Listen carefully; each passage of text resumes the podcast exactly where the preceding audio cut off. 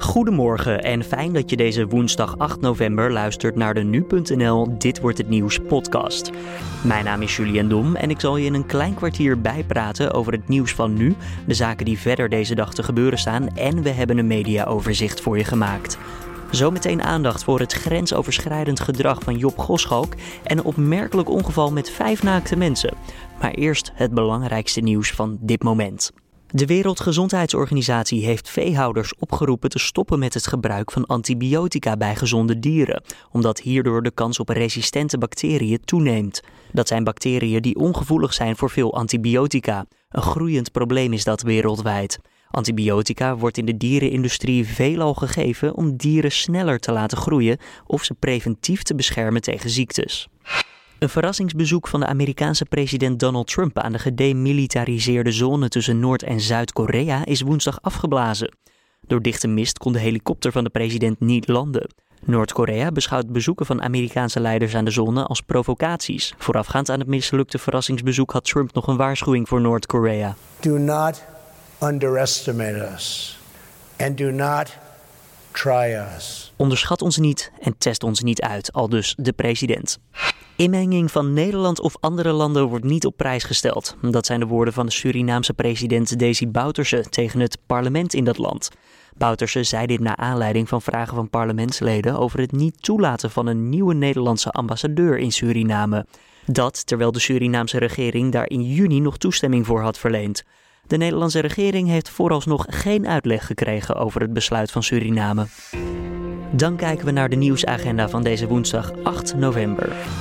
De Nederlandse filmregisseur en producent Job Goschalk, bekend van onder meer de marathon The Musical en Alles is Liefde, zegt over grenzen te zijn gegaan in zijn omgang met verschillende acteurs. Goschalk zegt dat hij acteurs soms heeft gevraagd hun kleren uit te doen bij hem thuis, maar sommige acteurs stellen dat er wel meer is gebeurd. Goschalk heeft in ieder geval per direct zijn werkzaamheden neergelegd. Aan de telefoon filmjournalist Robert Blokland. En ja, Robert, om even een duidelijk beeld te schetsen voor iedereen. Wie is Goschalk nou en hoe groot is hij in de Nederlandse filmindustrie? Uh, Job Goschalk is uh, eh, 15 jaar lang uh, medewerker geweest van Kemna Casting. Dat is een groot castingbureau dat eigenlijk met elke belangrijke film- en tv-productie die toen de tijd gemaakt is, tussen 1994 en 2008, een hele dikke vinger in de pap had als het ging om de casting. Dus welke acteurs in welke rollen gevraagd werden. Uh, een regisseur stapt dan naar een castingbureau die zegt van goh, ik wil dit verhaal vertellen. Heb jij een aantal acteurs voor mij die je kan aandragen? Dus uh, als je op Goschalk iets in jou zag, dan uh, had je het eigenlijk een enorm streepje voor al. Dan had je carrière een enorme zetje in de rug gekregen. Het was niet zo dat als Goschalk niks in jou zag, dat je dan geen carrière kon maken. Mm -hmm. Maar hij kon wel in, de, in de wandelgangen mensen maken of breken. En okay. de afgelopen tien, ja. Ja, dus, dus mensen waren gewoon bang om dan misschien ook wel nee te zeggen tegen hem, om wat voor verzoek het dan ook ging. Ja, het gaat, gaat dus te ver om daarover te speculeren. Maar je kan je voorstellen dat jij als jonge acteur eh, en je wilt carrière maken en je komt tegenover zo'n machtig persoon te zitten die jouw carrière kan maken of breken. Uh, dat je dan misschien geneigd bent om uh, verder in te gaan om je doel te bereiken. Dat, dat kan ik me wel voorstellen, ja. Ja, je weet ook niet wat normaal is wellicht.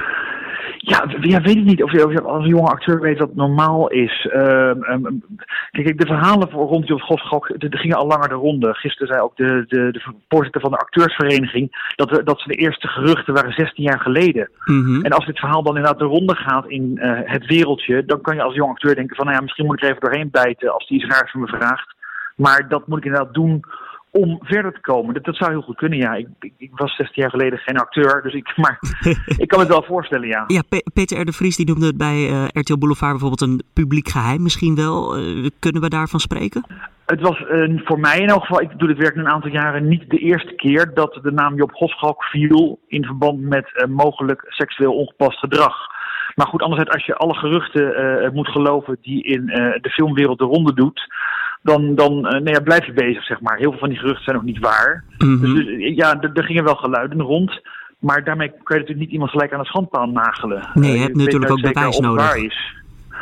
Nou, dat is het grote probleem in dit soort zaken natuurlijk. Dat zie je ook bij Weinstein en Kevin Spacey. Uh, er zijn nu wel onderzoeken gaande, maar er is nog geen hard bewijs van wat ze daadwerkelijk gedaan hebben. Iedereen vertelt wel verhalen en er zijn nu zoveel verhalen dat je ervan uit moet gaan dat er in elk geval iets gebeurd is. Dat, dat is niet van, van vast met te vrij zijn. Mm -hmm. Maar goed, bij Job Goschalk, ja, niemand is ooit naar voren gekomen. Niemand heeft het ooit hardop gezegd. Niemand heeft er een aangifte gedaan. Dus dan, dan blijven het in principe gewoon geruchten. Ja, want je zei het net al eventjes, Weinstein, Spacey, allemaal van een stuk gevallen in Amerika. Komt er nu nog meer aan in Nederland wellicht? Zijn er, zijn er meer publieke geheimen?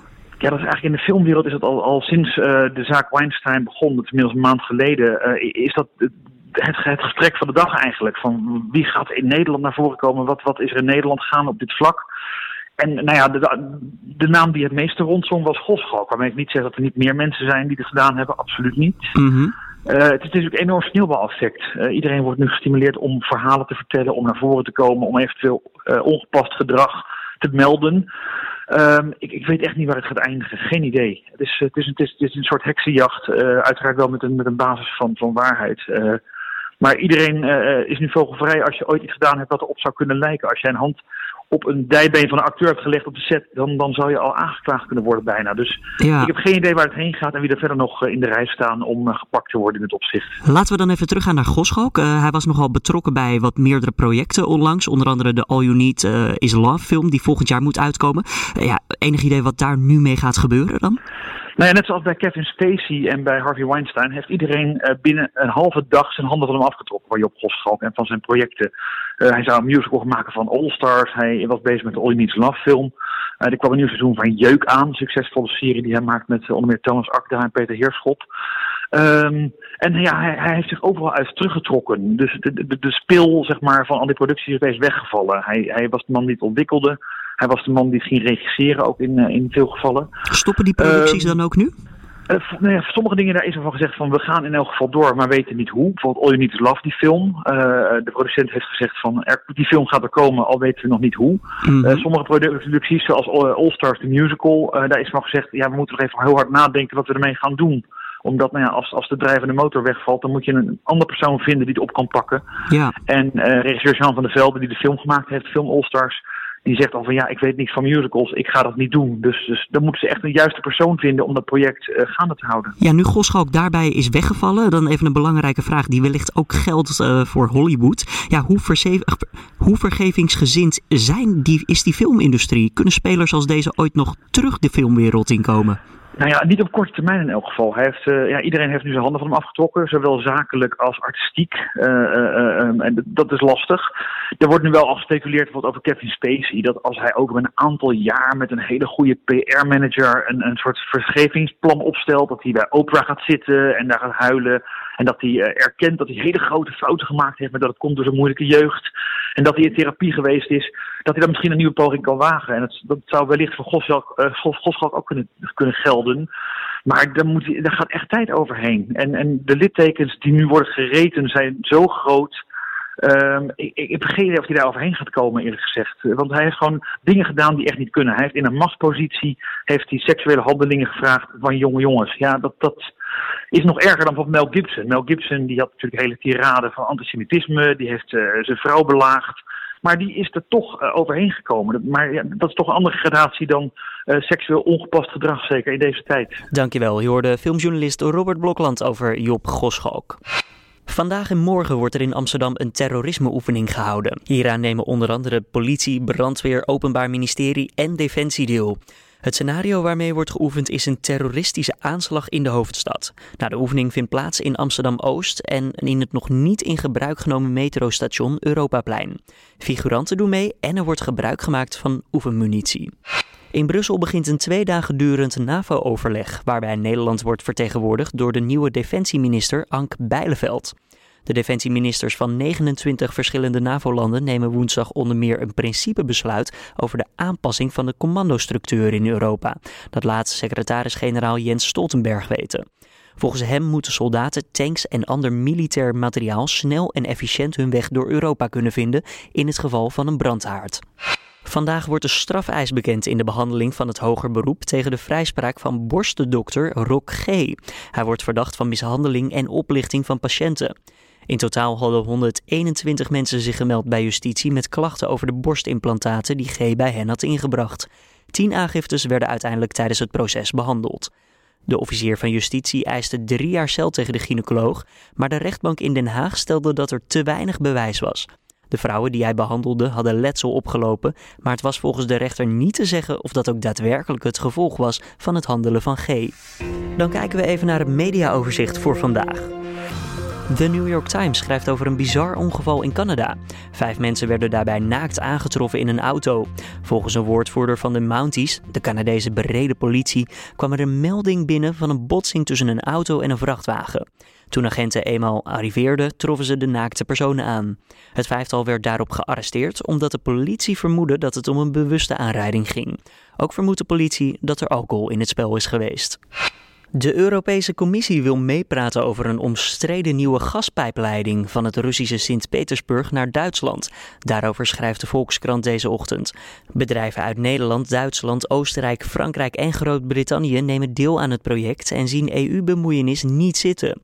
Maar de Commissie en veel Midden- en Oost-Europese lidstaten willen de afhankelijkheid van Russisch gas juist verminderen omdat de EU zo verdeeld is over de gaspijpleiding, kan het conflict nog hoog oplopen.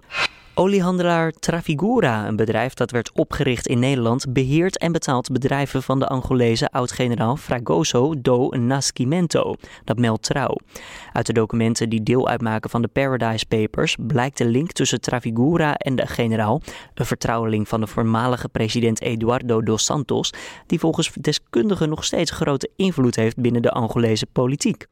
Hoewel het land een van de grootste oliereserves ter wereld heeft, leeft 1 op de 3 inwoners in armoede. Nederlandse scholieren weten weinig over de democratische samenleving, gelijke rechten en vreedzaam samenleven. Uit een nieuw internationaal onderzoek naar burgerschapsonderwijs blijkt dat de Nederlandse jongeren op dat gebied ver achterlopen op leeftijdsgenoten uit andere landen, schrijft het AD.